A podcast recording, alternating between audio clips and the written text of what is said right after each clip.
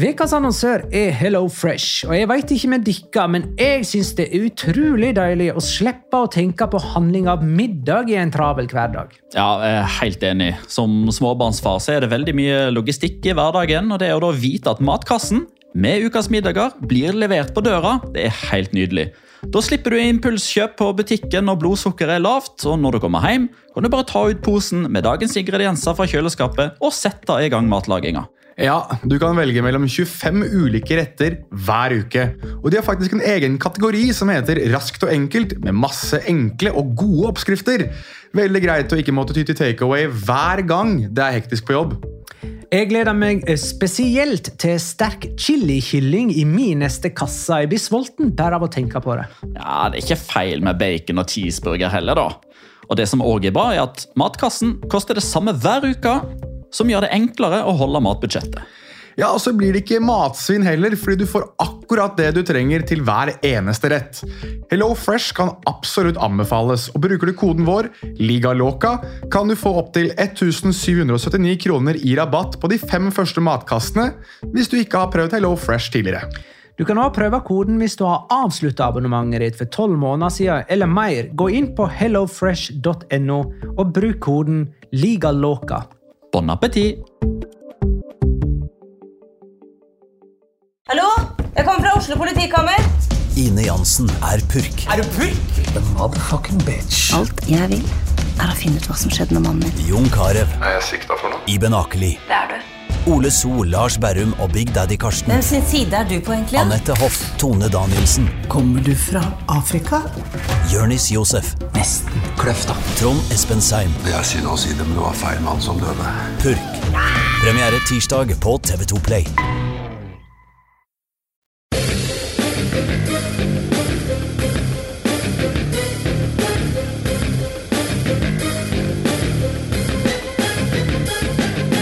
Har du sett? Det kan hende de fleste spillerne er opptatt med helt andre ting, men som klubb kan Barcelona kose seg med å toppe tabellen resten av året. La Liga tar nemlig en latterlig lang pause, med katalanerne på topp. Men La Liga Loca hviler ikke på laurbæra, bare sånn at det er sagt. La liga loca. En litt gærnere fotball. Ja, ja, ja. Dette er La Liga Loca episode 226 av det ordinære slaget med Petter Wæland, hei. Hei sann på deg sann. Jonas Giæver, hei. Shalomi, homie. Og Magnar Kvalvik, hei. Hallo, Magnar. Hei, Magnar. hei. Ja, jeg var sikker på at du sa katarlanerne der i introen. Det kan godt hende jeg gjorde. Nei, jeg bare... Det blir spennende å høre på nytt. Nei, i så fall. nei, jeg tror du sa katalanerne. Men Endelig, jeg, endelig har du fått en grunn til å høre episoden sin. Ja. Gidder ikke å spille den inn på nytt, i alle fall. Nei, Nei, det det gjorde vi sist. Det var min feil. Sorry. Du suger, ass, Petter. Ja. I forrige episode måtte vi spille på nytt etter å ha spilt inn i alle, i alle fall et kvarter. Ja, Jeg lurer på om det var 18 minutter på mitt opptak. Men det var mye rør i begynnelsen. da, det skal si. Så Ja, 14, 14 det- minutter med ordentlig prat. Det var så dårlig. Ja. Eh, Så, kan, men det ble bra til slutt. kan jeg komme med en confession? Ja, ok. Jeg har aldri vært så lite forberedt til en episode som jeg er i dag. Nei, det er vi to. Aldri. Det kan bli gøy. Så dette blir gøy. Her er det lite forberedelser. Eh, ja Men hva var det å forberede seg til? Nei, altså Det har jo vært eh, Det har jo visstnok vært noe cupgreier som har eh, skjedd i Spania nå. Eh, Forrige serierunde eller liga, jeg husker ikke hvem som møtte hverandre engang. Ja, men Det kan jeg minne deg på. Den spanske landslagstroppen er jo tatt ut, men jeg merker at jeg ga litt faen når den kom. eh, Og har egentlig vært litt Jeg har Ikke vært eh, snill gutt hva angår det å lese meg opp før eh, sending. Nei, men jeg har vært litt off, må jeg innrømme, ettersom eh, serien på en måte er ferdig for en stund, eh, og jeg ikke er så veldig gira på det som kommer. Så jeg har vel kobla litt ut og spilt litt PlayStation og sett litt eh, TV-serier. Jeg syns det er en god En god eh, grunn ja, til å holde seg litt borte fra forberedelser. Men eh, altså, det som var nå denne helga her i Spania, det var jo Copa del Rey. Uh, Skal du lese opp alle 54 Nei, kampene nå? Alle det. sånn kamp for kamp med fun facts. og hvor mange var det? 48? Jeg gleder meg til Casareño mot Cordoba. Eh, Men det var jo lagt opp sånn eh, at den siste aktive helga i Spania skulle være Copa del Rey, sånn at de største klubbene, som da skulle altså møte sånne nivå to- og tre-klubber, kunne spare sine aller beste spillere, som jo skal forberede seg til andre ting. Det fikk ikke Diego Simione med seg. Nei, Gjorde ikke han det, eller? Nei. nei han starta vel med Og de vant Han starta med Champions League-laget sitt, han. 2-0! vant de. Som ikke er Champions League-lag lenger. Ja, nei, eh, Det var jo mange som spara sine beste spillere, og det var på en måte lagt opp til at de skulle få anledning eh, til det. da. Um, og eh, det er jo òg noen som har antyda av spillere at den, hele denne høsten, eller i alle fall de siste ukene av høsten, har vært liksom prega av at det kommer et VM. så mange har på en måte forberedt seg til det før serien i det hele tatt har tatt pause. Som konsekvens for eksempel av at andre spillere har blitt skada og er ute av eh, VM. Um, Benzema er jo et eksempel på en spiller som ikke har vært med for Real Madrid de siste veken, for at han ville vil jo ikke risikere noe. Eh, kampprogrammet har jo dessuten vært helt eh, absurd, idiotisk hektisk. Så, å ja. Eh. det er derfor Sergio der ikke har fylt på alle sylindere.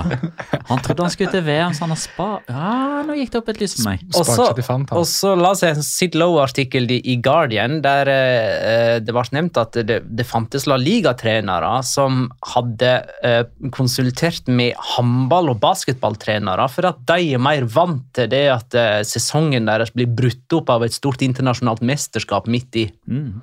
Eh, bare sånn for å bli vant til situasjonen eller finne løsninger på hvordan man skal gå fram etter eh, at eh, denne Midtøsten-turneringen er ferdig. Ja, Sidlow hadde jo òg snakka med en fysisk trener i en La Liga-klubb for å spørre liksom Ok, hva nå? Hva skjer? Og det var en ærlig tilbakemelding, det. Har ikke peiling. Dette må vi bare se an og ta som det kommer. Nei, Man veit ikke hvordan man skal angripe dette her som eh, representant for klubber eh, i apparatet. da. Men jeg tenker, sånn som konteksten og situasjonen er nå, da, så tenker jeg at eh, bare sånn for å ta en rask kikk på tabellen Det laget som egentlig tjener litt på at de kan få starta litt på nytt her, er jo Sevilla. Jeg tenkte jeg skulle komme innom det etter hvert. Ja, Da venter vi med det. Ja. Ja.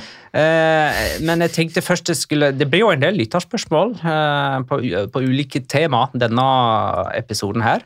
Eh, og vi kommer jo ikke til å snakke så mye om VM mens VM pågår, men man kan på en måte ikke uh, late som det ikke eksisterer heller. Uh, for eksempel så har det jo blitt tatt ut en landslagstropp uh, for Spania, og der spør Geir Halvor Kleiva hvilke spillere tror du er mest skuffa over ikke å ha blitt tatt med i VM-troppen? Han presiserer ikke at det er Spania, men siden han skriver VM-troppen i bestemt form, så regner jeg med han mener Spania. Ja, Da er jeg ganske sikker på at det er han som har gjort et hardest forsøk på å få folk til å tro at han ikke er skuffa. Det er han som er mest skuffa, og da tenker jeg på han som eh, la ut en veldig lang Instagram-melding fra sitt eh, nye bosted i Paris, som heter Sergio Ramos. Ja. Ja. Ja. Hmm, eh, han, han, det, han har jeg glemt. Ja, men jeg tror det òg der ligger litt av skuffelsen til Sergio Ramos, at han føler at han har blitt litt glemt. Selv om han ifølge seg selv er i eh, bortimot sin beste form noensinne og har kjempa sin største kamp for å komme tilbake inn på det nivået han er på nå. Er litt Han er jo faktisk eh, Jeg tror han er den spanskfødte spillere med tredje flest minutter i sin respektive nasjon, eller sin respektive liga denne høsten, så fysikken hans er jo fin igjen. Det som er gøy med det, er jo eller gøyt, det som er veldig moro med det, er jo at lagkameratene hans Paulo Sarabia og Carlos Soler begge er tatt ut. Det er ikke det at han ikke har blitt sett på. Her er det bare vært noe sånn Nei, vi tenker at Erik Garcia fortjener en mulighet. Men, men kan jeg bare ta det nå? Fordi apropos eh, Sarabia og Carlos Soler. Bare sånn rask kikk på toppen her, så er det sånn Jeg ser at det, det, det, er sånn 50-50 jeg her, om, eh, om landslagsuttatte spillere her er liksom fast på laget sitt eller ikke. Og det inkluderer tre keepere. De har tre keepere som står alt. Unai Simon står for Athletic, David Raja står i Brentford, og Robert Sanchez står i Brighton. Men av de da, eh, hva blir det, 23 utespillerne, altså det er sånn Det er 10-11, kanskje 12 hvis man er snill, som, bare, som er klink på sitt lag.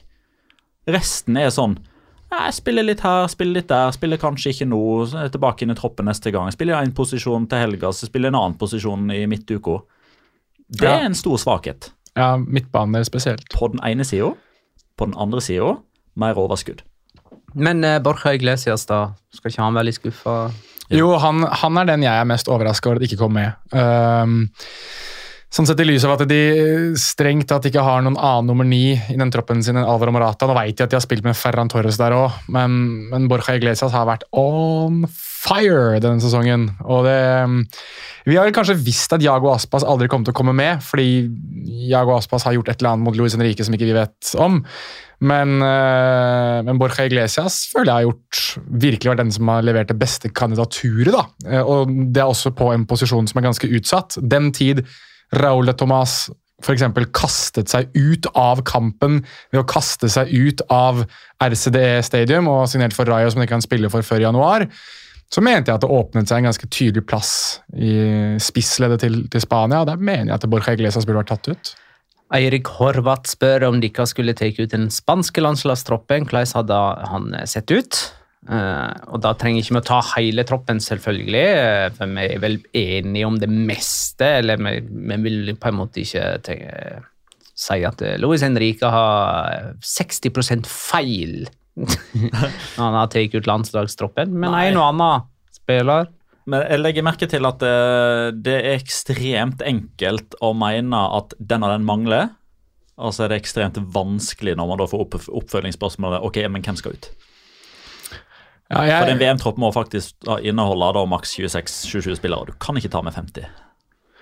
Nei, jeg Altså, jeg vet ikke, men jeg, jeg er veldig sånn fan av å ha et stopperpar. Jeg, da. jeg har alltid tenkt at det er en sånn slags styrke det å ha et stopperpar som kjenner hverandre. Så kan man jo sikkert argumentere andre veien med at ja, Ramos og Piquet kjente hverandre ikke sånn fantastisk godt, liksom, men det gikk jo ganske greit med de to. Det vil jeg si at de gjorde. Ja, at det gikk bra mellom de to, ja. Ja, og at de hadde et godt forhold, og at de spilte mye sammen. og... Jo, jo, men sånn, altså, de spilte ikke på klubblag sammen. Jeg mener at et stoppepar så tenker jeg altså to spillere fra samme klubb. Ja. Har jeg ment at har vært en sånn slags styrke når, når klubber har, eller landslag har valgt å gjøre det. Ja, for eksempel, altså, Puyol og Piquet spilte jo sammen på landslaget ganske lenge. Og Ja. det, det funket jo greit. Det var de som var stoppeparet da Spania vant VM, f.eks. Ja, for Ramos var høyre bekke. Ja, ikke sant? Ja, ikke sant? for- for ja, og, da, og da vi var på Mestalla, så var det vel rent stopperpar, var det ikke det? Ja. Albiol og Pau Torres. Og der har du den jeg mener at kanskje burde vært med i troppen, i hvert fall. Raúl Albiol. Mm. Greit, han har ikke vært like god denne sesongen her, men han er eh, Jeg tror også at man gjerne skulle hatt en sånn veteran da, i, eh, i det forsvaret. og jeg, altså Pilicueta har liksom aldri blitt helt klok på på landslaget, i hvert fall. For Chelsea, fantastisk. For Chelsea, solid type. Uh, kapteinstype. Jeg tror han hadde vært en bedre signering for Barcelona enn det Marcos Alonso viser seg å være. Men på det spanske landslaget Nei, ikke helt for meg. Bare sånn for å få litt eh, For å få litt hjelp her til å få eh, navn fram i pannen nå. Eh, kunne jo han en 50 mann, som sagt. David Garcia Ja, men han har liksom Han har aldri vært i en tropp, og så skal han, skal han debutere i VM, liksom. Alvaro Ja, Garcia. kanskje, men nei, ja. eh, men jeg tenker liksom når jeg ser på de som var på den prelista, og som, eh, som ikke klarte cutten, som ikke fikk eh, spille av den siste, de siste to dagene av major-turneringa, Miquel Merino, Sergio Canales, Bryce Mendes, Ja, er- som er liksom De representerer kanskje i alle fall to av dem. Jeg syns Canales kanskje har duppa litt grann nå. Men Miquel Merino og Bryce Mendes, altså måten de har båret sitt klubblag på og bare, altså De er i fantastisk fysisk og mental form. De er rett og slett i altså De er på en vei opp, da. Mens jeg er litt usikker på om Kåke liksom kommer inn til dette VM med friske tanker og «Woho, nå skal vi vinne VM. Eh, Marcos Llorente er nettopp tilbake fra skade. Carlos Soler sitter mer på benken enn han spiller i Paris. Ja, det er vanskelig. Det er vanskelig. Vi får la det ligge. Eh, og så um, Kan kan jeg skyte inn dem jeg syns var overraskende å se i troppen? Ja. Eh, Ansu Fati. Syns du det? Ja, egentlig. Han har blitt spart i hele høst for å bli klar til VM. ja, nei, jeg bare Altså, jeg skjønner det jo. Altså, han er jo den spilleren med det høyeste toppnivået av samtlige spanjoler. Men når du har spilt så lite og egentlig ikke har vist sånn skrekkelig mye Og det har vært altså Angrepsleddet i Spania det er ikke sånn Du har ganske mange gode du kan velge mellom som har prestert. Ja, det er sant. Så er jeg, er jeg overraska over at Ansu Fati kom med. Men uh, altså, Og det er bare sett på denne sesongen, altså. Som spiller, selvfølgelig skal han være med i en tropp. Men jeg, jeg lot meg overraske litt. Kuleste, kuleste video som sirkulerte på Zoom i forbindelse med landslagsuttaket, det kom fra din klubb. det. Valencia. Det var Nogo Guillamon, og ikke minst José Luis Gaya satt og fulgte det live. Ja, De var overraska over at du kom. Ja, altså, Gaia burde ikke være overraska, men Jo, øh, han, altså han, han, han var jo så fra seg han, eh, over at han mista de første fire kampene av sesongen. For det da mente at da røyk VM. Han har levd i en frykt nå i to-tre måneder om at VM røyk, fordi når startskuddet gikk, så var ikke han med. Animo. Gaia, var det ikke eh, Ja, da man holdt ut. eh, et minutt stillhet eh, etter 14? Ja, ja, Han var litt sånn småpinlig berørt og rørt på samme tid oppe på tribunen. der. Altså- berørt. Ja. Ja, eh, men, men den videoen for de som ikke har sett den, kom ut på den offisielle Twitter-kontoen til, til Valencia. og da Jaume Domenech står der òg. Det er liksom Faen, kom ikke jeg med! eh, Hugo Guillamon, det er José Luis Gaia og det er Jaume Domenech som står der. Eh, Men altså den, der, den spontane reaksjonen Du ser at det er, liksom, det er 70 kilo som letter fra skuldrene hans. Kul med Giamon, da. Det syns jeg. Sånn Han reagerte sånn som han alltid gjør. Han var ikke ei mine. Ja. Ja, det sånn, ok Eh, det har jo vært en full eh, La Liga-runde siden vår forrige ordinære episode. Det ble nemlig spilt en midtvekerunde som kaltes eh, runde nummer 14. Eh, Vi skal ikke gå gjennom den i detalj, men kan ta noen eh, overskrifter, for å si det sånn. Eh, noen punkt. Eh, Barcelona er serieleder eh, etter at de slo Osasona i Pamplona. De slapp inn i det sjette minutt, fikk Lewandowski utvist i det 30., og snudde likevel kampen etter mål av Pedri og Rafinha i andre omgang. En råsterk snuoperasjon mot laget som var nummer fem på tabellen for den eh, runden. Gerard Piquet avslutta karrieren med å snakke på seg rødt kort som reserve i spillertunnelen på El Sadar eh, i pausen. Og det burde jo faktisk være et av de fem høydepunktene i eh, Piquets karriere.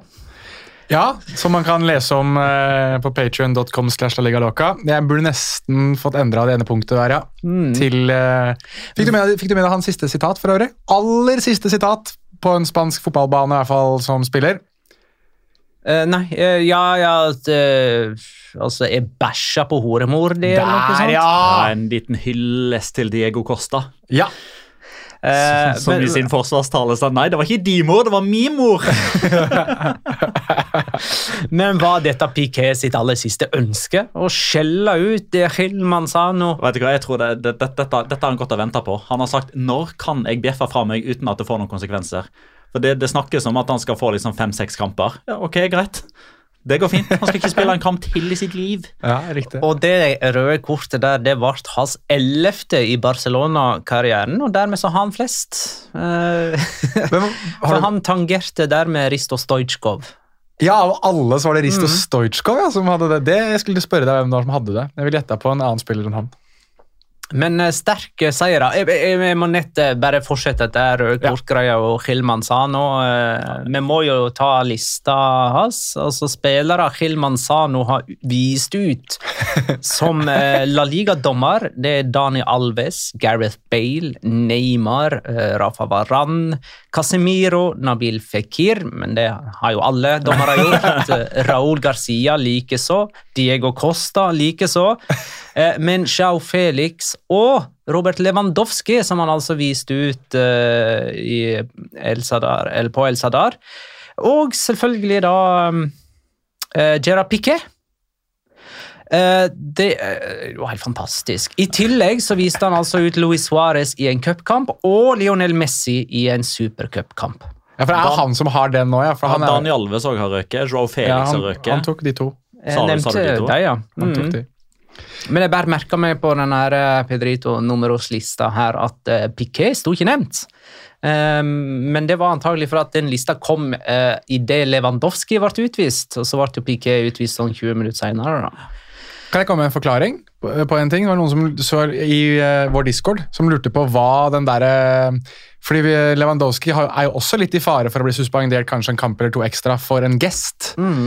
Eh, og her slår jo arabergenet mitt inn med en gang. fordi um, det, Og jeg syns det er litt rart at det er en polakk som gjør det, men uh, Lewandowski opp, altså flikker nesa si, og så løfter han haka si opp. Men, og Så han flikker pekefinger mot nesen. ja, og liksom løfter haka si samtidig, og så peker han på Hilman San, og så gjør han det samme flere ganger.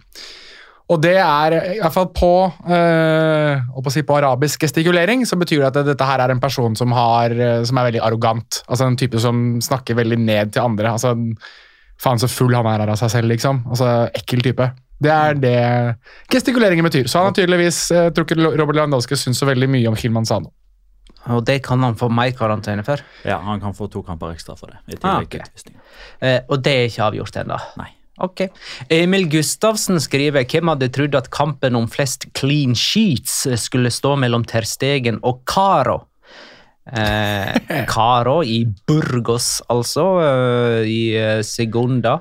Eh, Burgos har sluppet inn fire mål i Segunda divisjon, mens Barcelona har sluppet inn fem. Men Caro har jo ikke stått, stått alle de eh, Han har ikke sluppet inn alle de fire for eh, Burgos. Han Har slått inn ett. Opp inn ett, Ett det var straffe, vel? Ja, mot uh, Tenerife. Fantastisk. Kan du si det en gang til? Tenerife. Takk.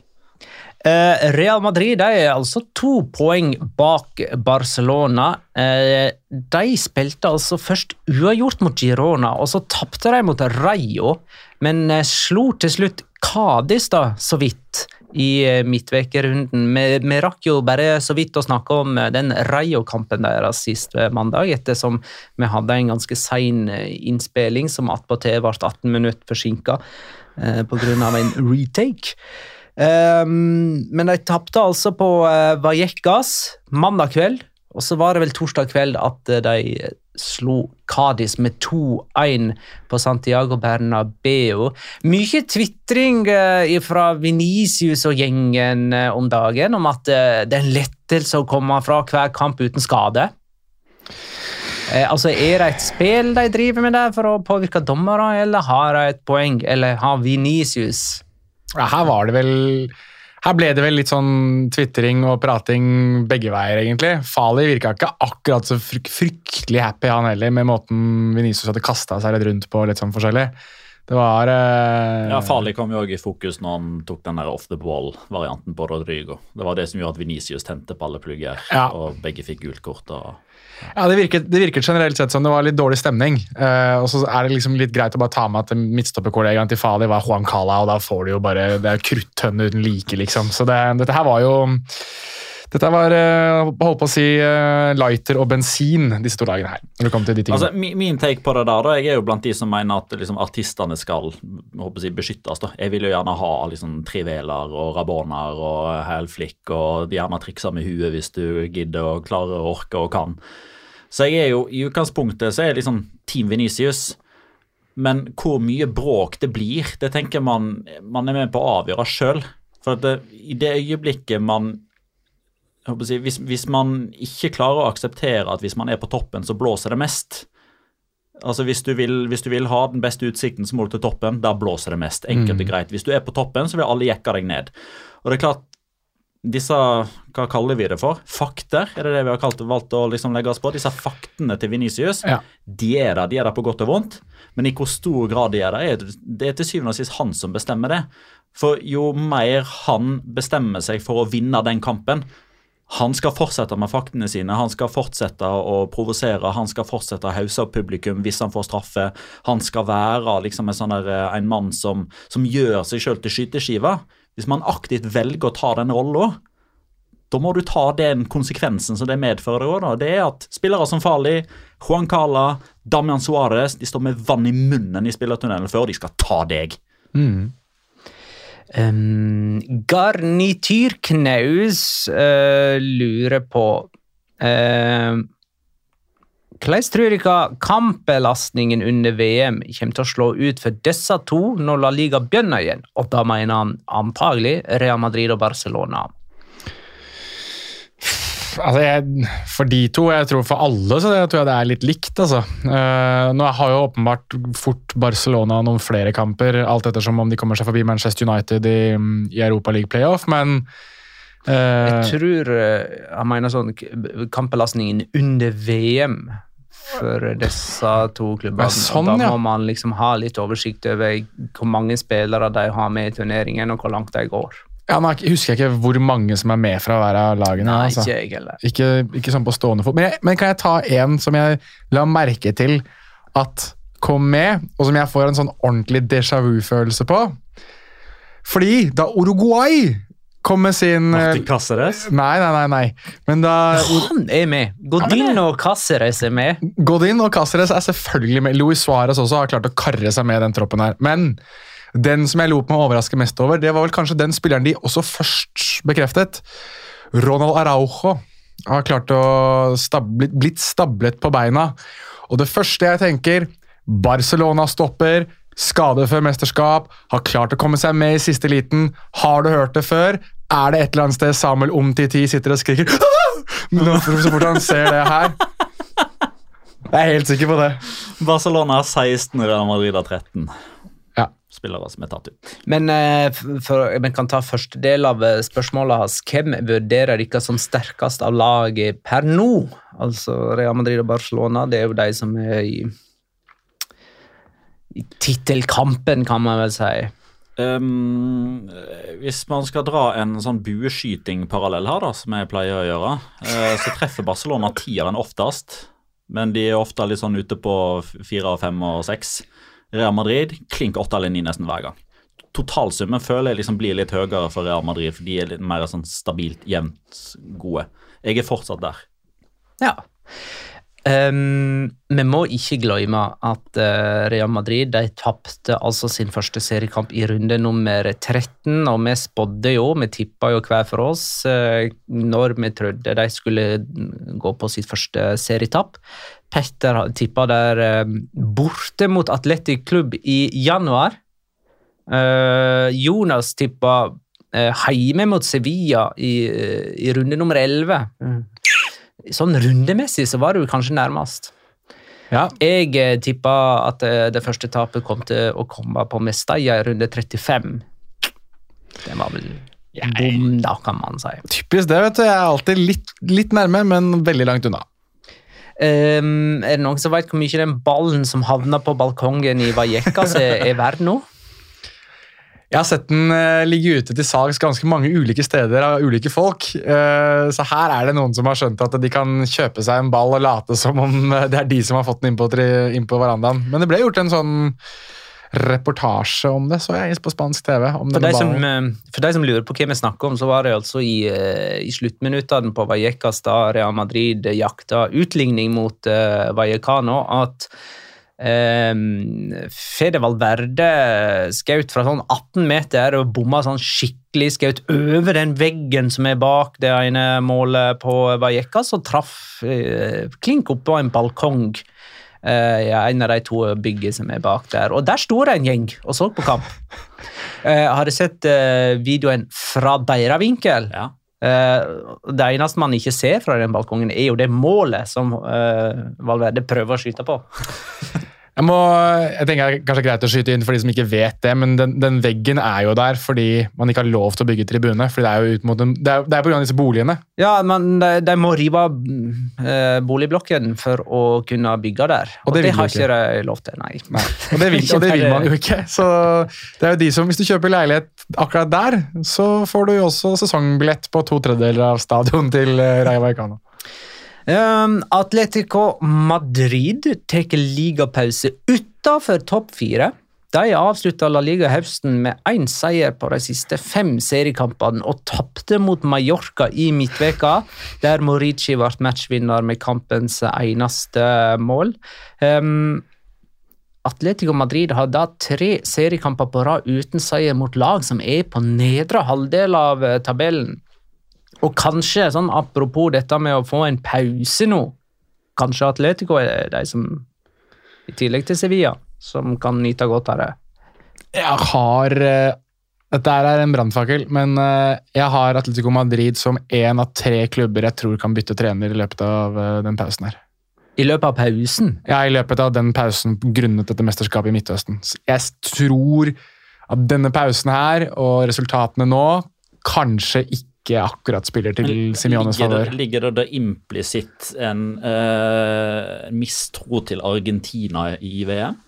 At du tror at det er den jobben som blir ledig? At ikke nødvendigvis bare Sånn at- Ceres og Hilmarin som tupper han ut, men at Simione ser sitt snitt til å si adios. Sånn at de kan skille som venner. Ah, Simione Sånn tar Argentina-jobben, og så kommer Pochettino inn og tar Atletico Madrid.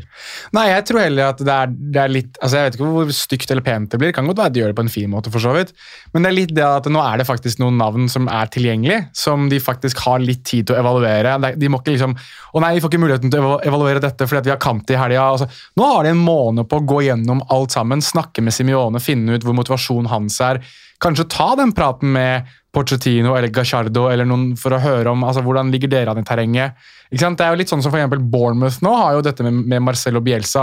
Han får jo faktisk tid nå Bielsa til å se alle kampene til Bournemouth og kunne ta et ordentlig valg. Fordi mest, eh, Premier League starter ikke opp før Boxing Day, f.eks. Ja, er, er han ansatt som Bournemouth-trener? Han blir sikkert det nå. Det er i hvert fall i diskusjonen okay, med han. Jeg trodde det var noe jeg hadde gått glipp av mens eh, jeg så en TV-serie. eller noe. Men eh, han, er, jo- han er jo litt opptatt av om et par helger når han skal til cupfinaleseminaret her i Oslo. Eh, Marcelo Bielsa? Mm. Ja, stemmer det. Ja, det skal han. Han skal til, eh, skal til Oslo. Så da må vi eh, muligens på jakt.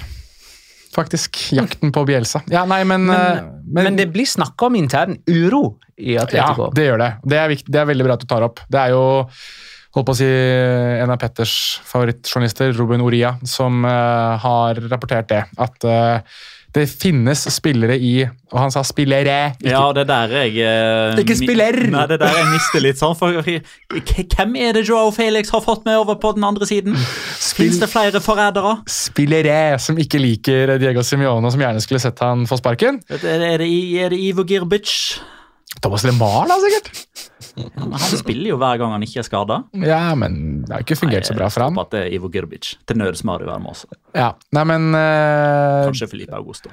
Men i alle fall disse spillerne her da, er visstnok ikke så fornøyde med, med Simione, og at det da gjøres en vurdering i Atletico Madrid om hvorvidt de kanskje skal la Simione gå. Jeg har i hvert fall to klubber som jeg tror at fort vurderer, eh, kanskje tre, som vurderer trenerbytte. Og det er Atletico Madrid, Cádiz, fordi dette med Sergio fungerer. og Nå røk du til cupen nå, så det er liksom Fuck it, liksom. Kanskje det er, Skal man bytte trener, så har de i hvert fall fått mulighet nå. Og siste er Chetafe. Jeg ja. tror Ja, ikke den syns jeg er soleklar. Ja, men nå glemte du Elche, for de vurderer det der hele tiden. Jo, det er sant, faktisk. Ja, Du må kanskje ansette en ny først. Ja, men han, han rekker sikkert å få sparken før de starter opp igjen.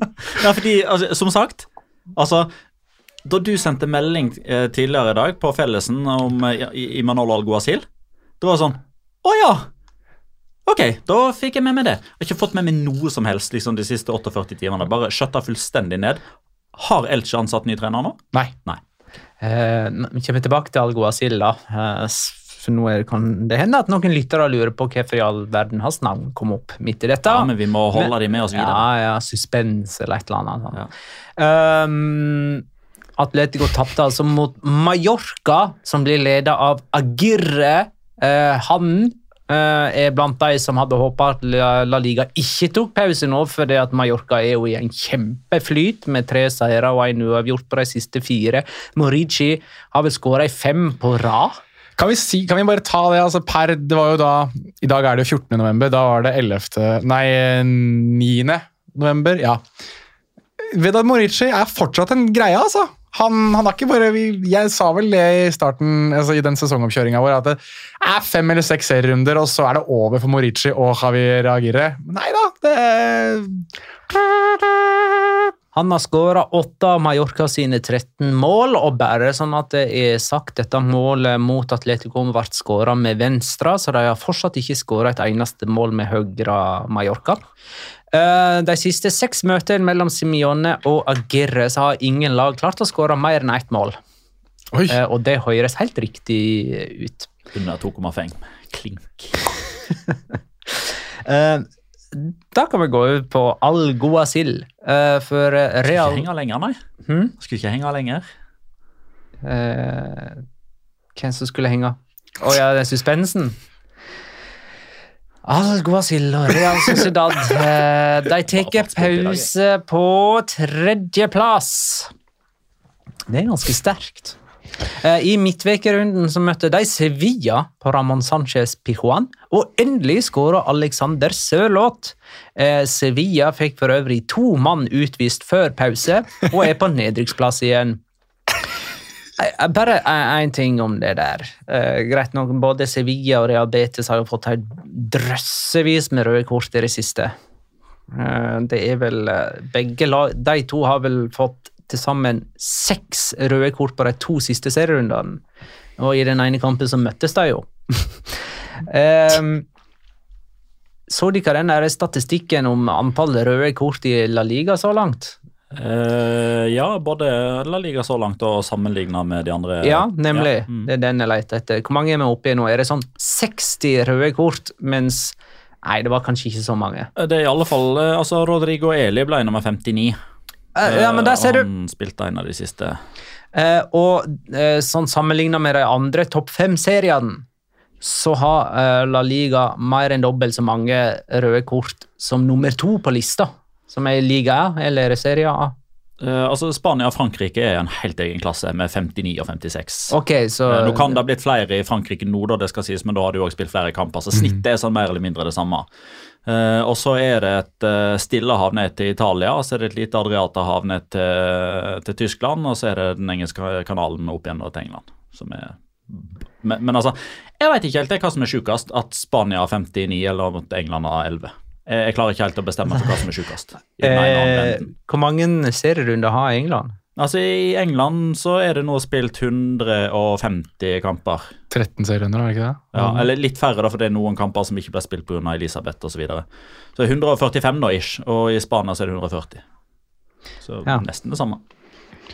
Eh, men så, så har vel eh, Nei, men eh, England òg har 14 14 skråstrek 15 serierunder. Ja, så litt over 140, men det er ikke alle som har spilt 15.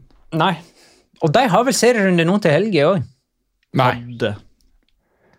Nei, kommende helg er det jo eh, Da er det VM. Da er det faktisk VM. Sånn er det. Da er det Ecuador. De kommer faktisk bein beint på. Du, Men de hadde du, denne du, helga, ja. du, du, Mm. du. Eh, nei, men uh, drit i det. Det- det- Real Sociedad er altså på uh, tredjeplass, og Alguacil fikk kontraktsforlengelse. Eh, han fikk ikke sparken. Han uh, får forlenga kontrakten til 2025. Jeg syns det er kjempegøy. Jeg synes Det er en av de nyhetene som jeg syns har vært gøyest i fotballen eh, den siste tiden. Og det har litt å gjøre med at han ble jo ansatt som en sånn stopgap-trener, sånn interim, fordi man det var Jeg husker ikke hvem som fikk sparken engang. Kan det ha vært tilbake til Oi, hvem var det? Han, eh, han som trente Leganes også? Var det, Garitano. kan det ha vært Garitano som fikk sparken, og så ble Alguacil dyttet inn der? Jeg lurer på om ikke det stemmer. Uansett. Jeg lurer på om det var Gaiska Garitano, Gaisca ikke Garitano. Asier. Eh, Det er jo to forskjellige Garitano, er ikke det? Jeg tror ikke Gaiska har vært i Real Sociedad. som Asier- Asier var, Asier var i Real Sociedad, og Gaiska var i Atletic. Ja, blanda Garitano av den. Ja. Men Asier Garitano var i hvert fall trener for Real Sociedad etter å ha gjort det ganske bra i Leganes. Det husker jeg. Eh, Be- Bekrefter historien her nå. du gjør det, ja. Men, men Alguacil ble jo hentet opp fordi han skulle være da midlertidig inntil Real Sociedad fant en ny trener. Og så har jo han egentlig bare ikke sett seg tilbake igjen. Han har jo vært helt fantastisk, vunnet cupen og tatt det ut i Europa. og Egentlig vært en type som har fått litt ro i Real Sociedad, virker det som. Og nå, som du sier, nå ligger det jo topp topp fire. Og Topp der tre. har vi, Det er vel et av de mest spennende Real Sociedad-laget på lenge. Ja, det- Eh, ja, Ja. Hver spiller de har henta inn, har liksom vært en sånn her ung eh, Eller ikke nødvendigvis ung, da, men en sånn tekniker som eh, vi gleder oss til å se. Ja, det, var- det var noen som skrev det på Twitter, og jeg husker ikke hvem det var, jeg beklager, jeg tror det var på spansk uansett, men det var en som skrev at i veldig mange klubber, så hvis det er en skade på en spiller, så ser man som regel alltid til markedet for å se hva kan jeg hente for å erstatte. Mens Alguacil, han titter heller på, eh, på ungdomsakademi eller på B-laget. Er det noen her som kanskje fortjener å få en sjanse nå? Og det gjør han jo til gangs her. Mot, var det mot, Reals, nei, mot Sevilla, hvor vi fikk et bekjentskap med Marin, var det ikke det? Mm. Som for øvrig er den uh, debutanten for Real Sociedad, den, eller som er blant B-lagsspillerne, da. Ja. Uh, som jo har drakt nummer 26 og høyere. Han er den eneste som ikke har et sånn klink baskisk navn. Pablo Marin, straight spansk. Alle de, altså de fire andre, altså Aritz Adambari, det er basker. Urco Gonzales de Sarate kunne vært argentiner, men han er baskisk. Jon Caricaburo. Han har baskiske tippoldeforeldre, og det har Jo- John Maguanzaela òg. Eh, og så skal vel kanskje Alguacil eh, Alguacil skal vel kanskje bære deler av æra for det der, men eh, fordi at det var et system i Real Sociedad som er ganske sånn Hva skal man si? Sånn komplett. Eh, det er en sånn felles tankegang der. Eh, men- Strømlinjeformet. ja, det kan du si. Men Alguacil er jo en del av det systemet. For han har jo vært der han var reservelagstrener sjøl, og kjenner jo på en måte, og er opptatt av hele det systemet sjøl. Men eh, ei ulempe, eller en eh, akilles for han da, i at lagene laget har vært bra på høsten og dårlig på våren. Så Roar med skarre er spørreteker, er altså siden det er endelig en Champions League-plass denne sesongen. Ja. Nei. Nei, det tror ikke jeg heller, så uh, to av tre svarer nei. Bare vent til det stormløpet fra Villarreal det kommer eh, andre delen av sesongen. Jeg tar oppfølgingsspørsmålet hans òg, siden vi er liksom i eh, en klubb med norsk representant. Eh, jeg har ikke en, et eget segment her eh, lagt opp for eh, Celta Vigo. Vi bør egentlig lage en altså det, det bør være leksa vår i løpet av ligapausen nå. Lage en ny sånn jingle med nisselua på spansk. eller noe Ja. sånt. Hvor mange mål tror dere Jorge Playa faktisk ender på i år? Sjøl tippa Roar med er tre, og han har altså null. Ja, det må vi komme med en liten sånn Asterix her, i alle fall. Han har ett.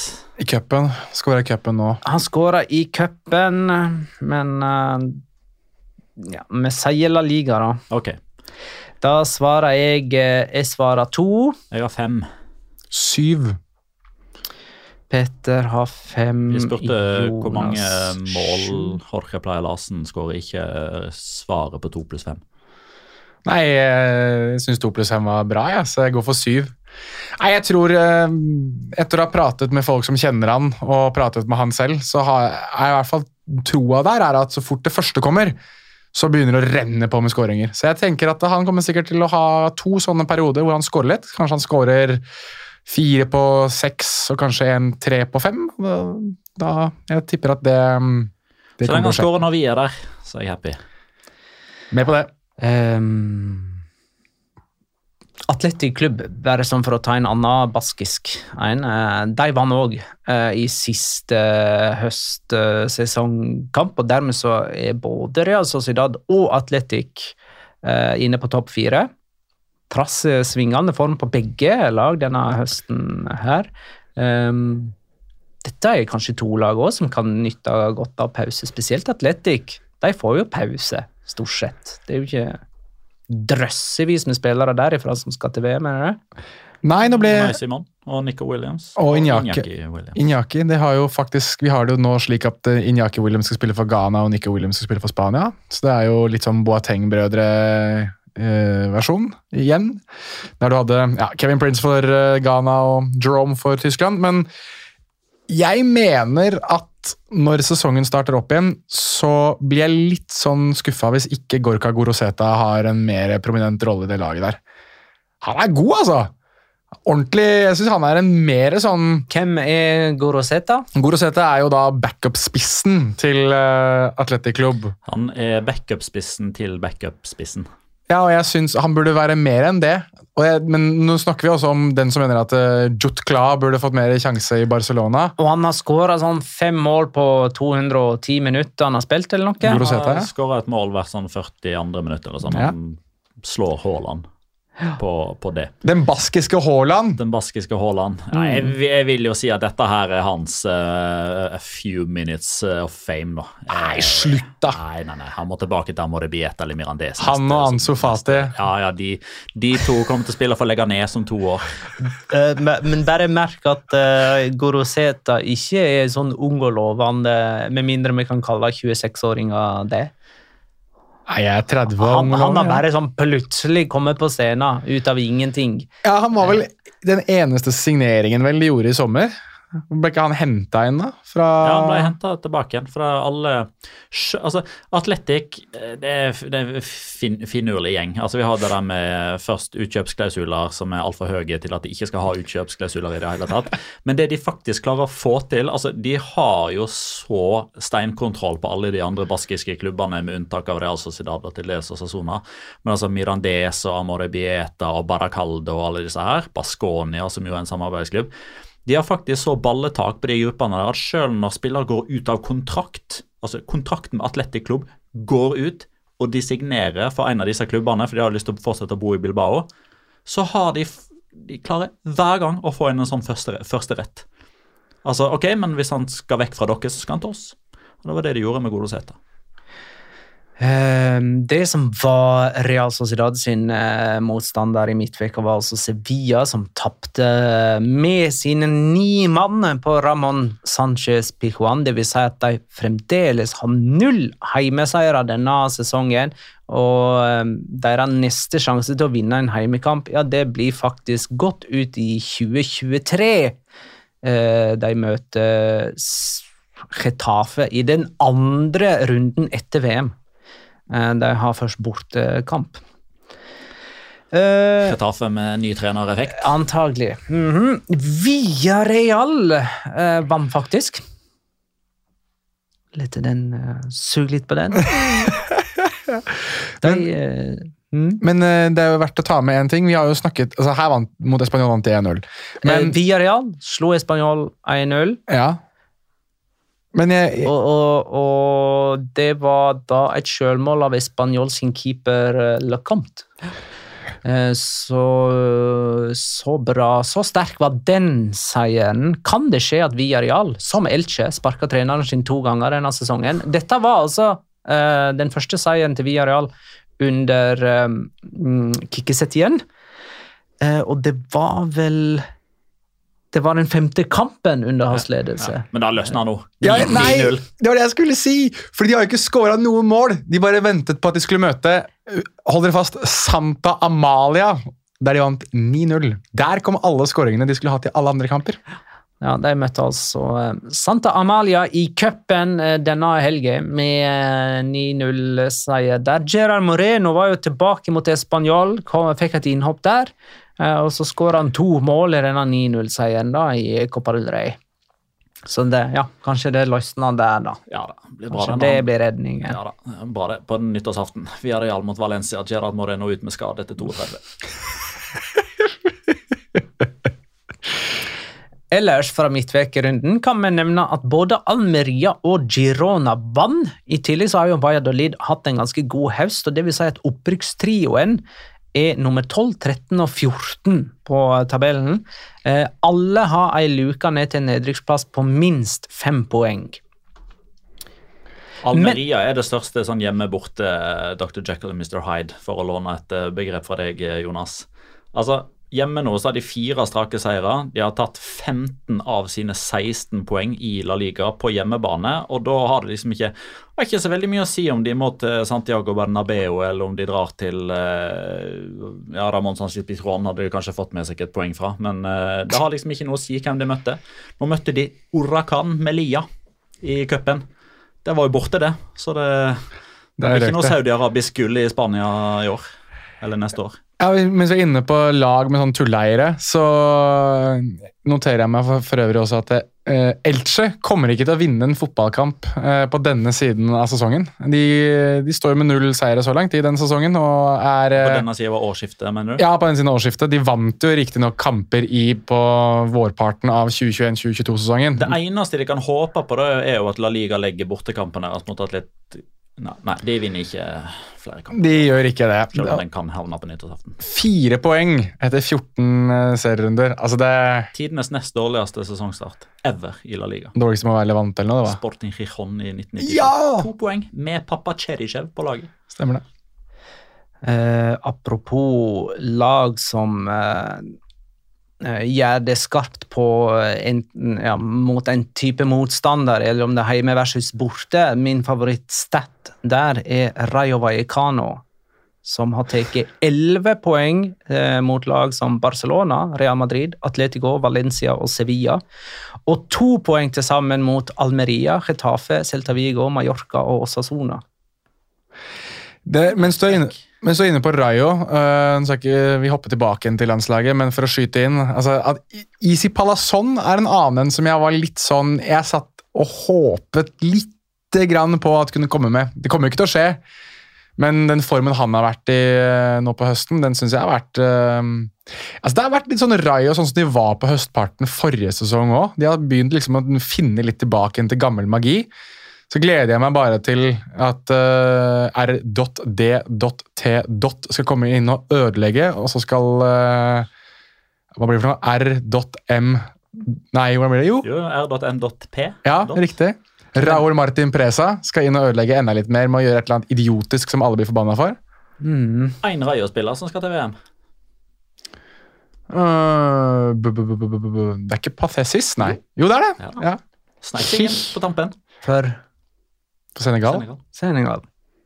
Entekia, da, er, er spiller han på et eh, lag som litt- Enteka heter han. Litt eh, røff eh, med kamp om plassen i Frankrike. Han, er, han representerer Frankrike. Det var han Det var eller. Mbappé, de var litt usikre.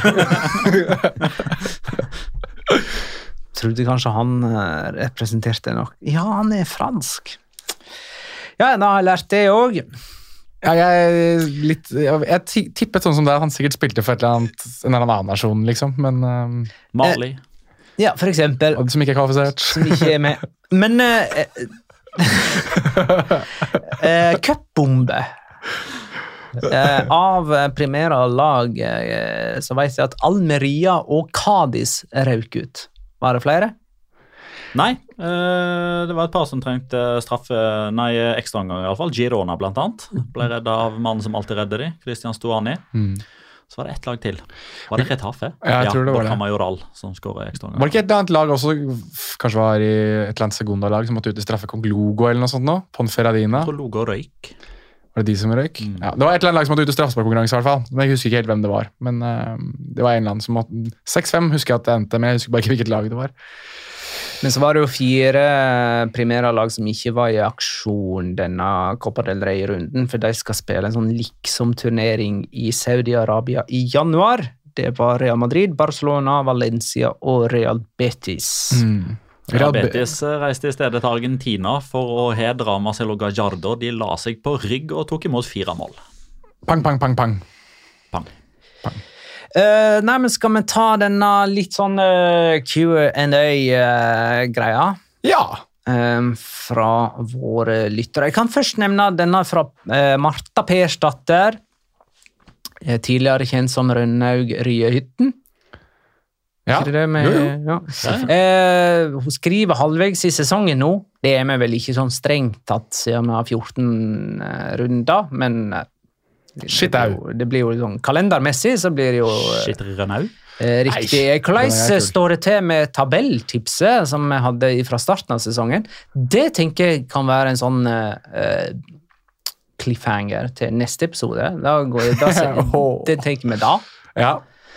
Eh, Så det blir neste mandag. Eh, Så Johintan Charles P. Kroos. Eh, Hvilke spillere har overraska og skuffa så langt? Eden Hazard skuffer meg hver eneste sesong. Hver Nei, sesong. han er jo nesten en positiv overraskelse, for han har jo ikke fått vært dårlig. Han har jo bare ikke spilt, så vi har ikke fått sett hvor dårlig han har blitt. Jeg skal ta en, en som har skuffet meg sånn oppriktig, fordi jeg hadde litt forventninger til at eh, han kunne bli en liten attraksjon. Sean Weissmann i Valladolid. ja, og det mener jeg. altså sånn oppriktig. Han, har, han virker altså Spissprofilen hans syns jeg passer La Liga veldig godt. Han er liksom en litt sånn Litt sånn Fox in the box-type som gjerne får ting til å skje rundt seg. Litt sånn fattigmannsutgaven av Veda Morici, og det sier kanskje sitt. Men uh, jeg hadde forhåpninger om at han kunne bli en liten attraksjon, og det har han ikke blitt. Så vi har ikke fått se noen av de 733 feiringene han kommer til å levere når han først scorer én gang! Jeg har uh, Altså, jeg regner jo med at premisset for spørsmålet her er før sesongen starta. Altså typ eh, Hvis vi hadde sittet sammen og prata rett før åpningskampen, sånn på generelt grunnlag, hvem har du forhåpninger til? Og så sitter man her nå og ser på to streker under svaret. Så skal vi tilbake til Dottefar. Ja, Raúl Thomas. Ja, han Mm. skulle jo han skulle skyte spannet til VM-gull, han. Dersom ting hadde gått som det hadde gått. Men i stedet for så ble det både streik og Twitter-feide og slåsskamp mellom advokater og eh, Slåsskamp mellom advokater? han får trent mye, da. Men eh, null minutt. Uh, jeg uh, spådde jo Atletico Madrid som seriemester. Eh, og et av mine argument var jo at eh, Jan Oblak hadde hatt én dårlig sesong og kom ikke til å ha to dårlige sesonger, eller i alle fall ikke ja, At han kom til å være bedre enn han har vært nå. Eh, jeg syns han har skuffa. Og hva skal vi egentlig si om Memphis Depay? Har han spilt noe i år, holdt jeg på å si? Det er for fryktelig lite. Ja, Jo, nei, men, altså, ja, Er, det- altså, er det liksom bare det at Xavi ikke vil at han skal spille, eller er det noe med Memphis Depay sjøl? Altså, jeg mener, Frenk de Jong var jo òg ute i kulden, egentlig, men har på en måte vist at han eh, har noe i Barcelona å gjøre, da. Så, jeg vet ikke om du følger meg på dette resonnementet, Petter, eller for så vidt deg, Magnar, men Memphis Depay, den rike manns Mariano Diaz, sånn egentlig, signert litt sånn Det var ikke så veldig mange andre valg, hadde ikke så veldig mye annet å hente. Fikk et, eh, etter hvert et draktnummer som var definitivt for stort for ham og for den profilen han var. For så vidt begge to henta fra Lyon. mm. Der er det en annen ting òg. Begge to er veldig snasende på håret, glade i mote. Uh, Memphis Depay En del Initialene like, til og med! Mariano Diaz, Memphis Depay. Fy faen, som to dråper vann, de to! Nei, vet du hva? Nei, Den, den, der, den, den var jeg happy den med. vokste underveis òg, faktisk. Den der, det der som to dråper vann, ass, de to gutta der. Men av spillere som har overraska sånn pos positivt, så må Ja. jeg nesten ta med Morici. Ja, Han, han, er den nest mest skårende i La Liga bak Lewandowski. Han har like mange måler som eh, Borja Iglesias. Absolutt. Han er helt der oppe. Og eh, jeg liker også Alex Moreno, venstrebekken til Betis. Syns han har vært overraskende bra. da kaster jeg meg på med venstrebekk med Fran Garcia ja, da, i uh, Rayo Vallecano, som jeg også syns har vært veldig sprek. Ja. God. De to Garciaene på den venstresida til Rayo har vært morsomme å se på i år. Min lille dyping sånn, da er Roro Riquelme. Girona. Ja. På lån fra Atletico. Ja. Eh, Ingar H spør hvilke spillere kommer til å dominere etter jul. Ja Ronald Araujo har jeg Altså, hvis Uruguay oppfører seg ordentlig med han, da. Jeg- Jeg tror at Ronald Araujo Nå, nå ligger Barcelona på topp, men de hadde jo han med ganske lenge. for så vidt, Men jeg tror at hvis de får inn han sammen med Condé i det midtforsvaret, så tror jeg mm, Altså, de har sluppet inn fem mål, Barcelona. Jeg tror ikke de slipper inn sånn sinnssykt mange flere hvis eh, de får inn Araujo også. Nå har Ter Stegen faktisk vært jævlig god for dem òg, da. Det skal sies. Så mm, Ja, det har han. ja, så jeg, jeg går for um, Ja, jeg tror Ronald Araujo kommer til å bli den beste stopperen i verden en dag. Jeg vil jo tro at det laget som kanskje har mest framgang, da, altså poengsnittmessig fra de første 14 og til de neste 24 Jeg må nesten bare gå ut ifra at ting normaliserer seg litt grann i Sevilla. Så jeg har lyst til å hente en derfra, men problemet er at jeg har ikke en god kandidat til hvem det skal være. Skal jeg gi deg et lite tips? Det var et rykte nå om at Lucas og Campos kan være på vei tilbake fra Ajax. Og han kommer til å være så sint! Han kommer til å være så sint, han! Fy faen så sint han kommer til å være når han kommer tilbake. Og da er du god! Og så blir han hissa opp av San Paoli i tillegg. Jo, jo, jo. Ja, ja, men kommer til å være Det kommer til å hat trick hver vi, kamp, det. skal vi svare en spiller som ikke er i La Liga akkurat nå, da? På hvem som blir best i La Liga etter Ja, Det funka for meg da jeg gikk for Edinson Cavani som toppskårer, så. han var ikke i Valencia så langt. Går det for Lucas Campos, da? Uh, Nei, jeg gjør jo ikke det. Uh, Få si Erik Lamela, da. Ja, ja. Den er djup, den òg.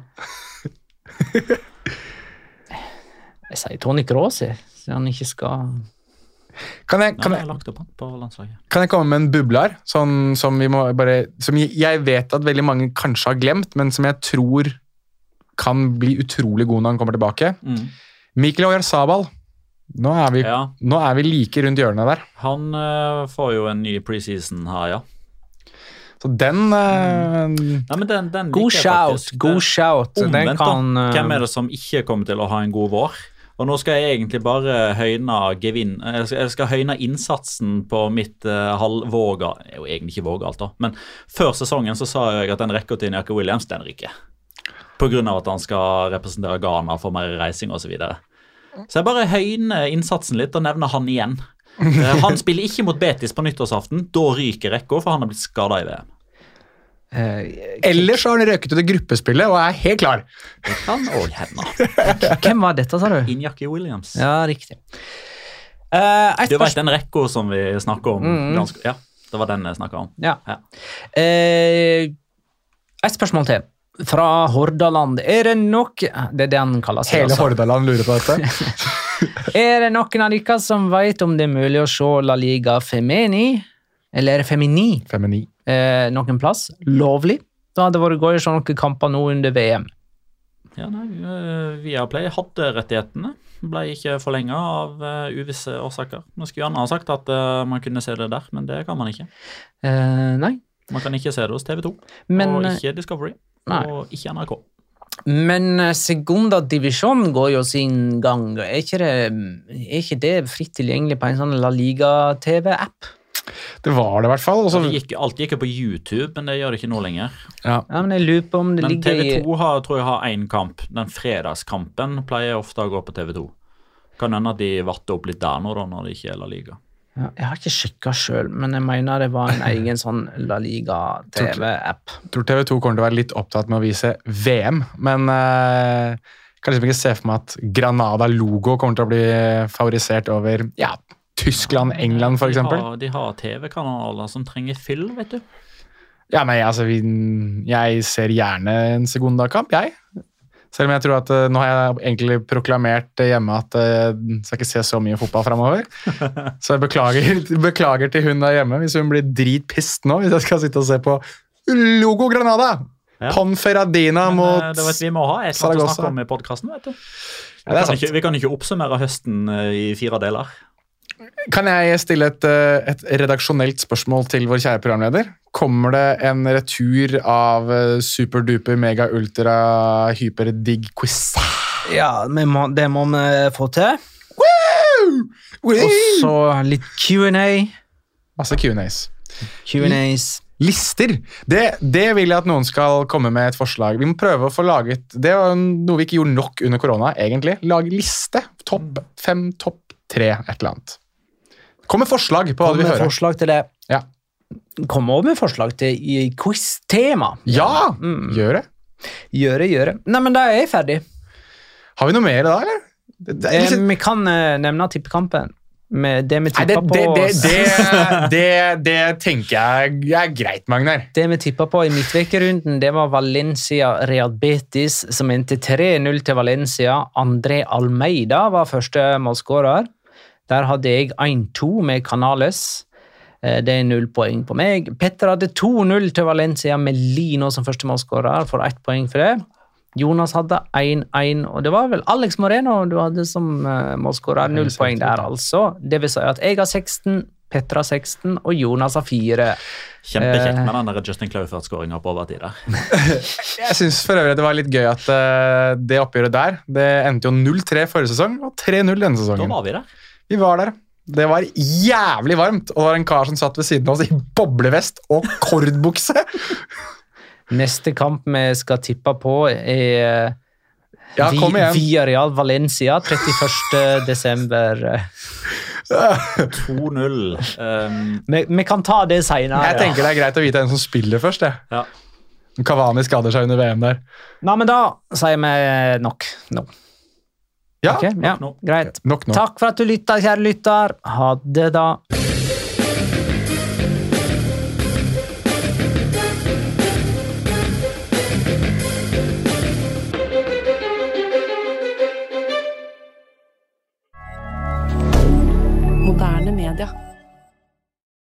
Har du et enkeltpersonforetak eller en liten bedrift? Da er du sikkert lei av å høre meg snakke om hvor enkelt det er med kvitteringer og bilag i fiken, så vi eh, gir oss her, vi. Fordi vi liker enkelt. Fiken superenkelt regnskap.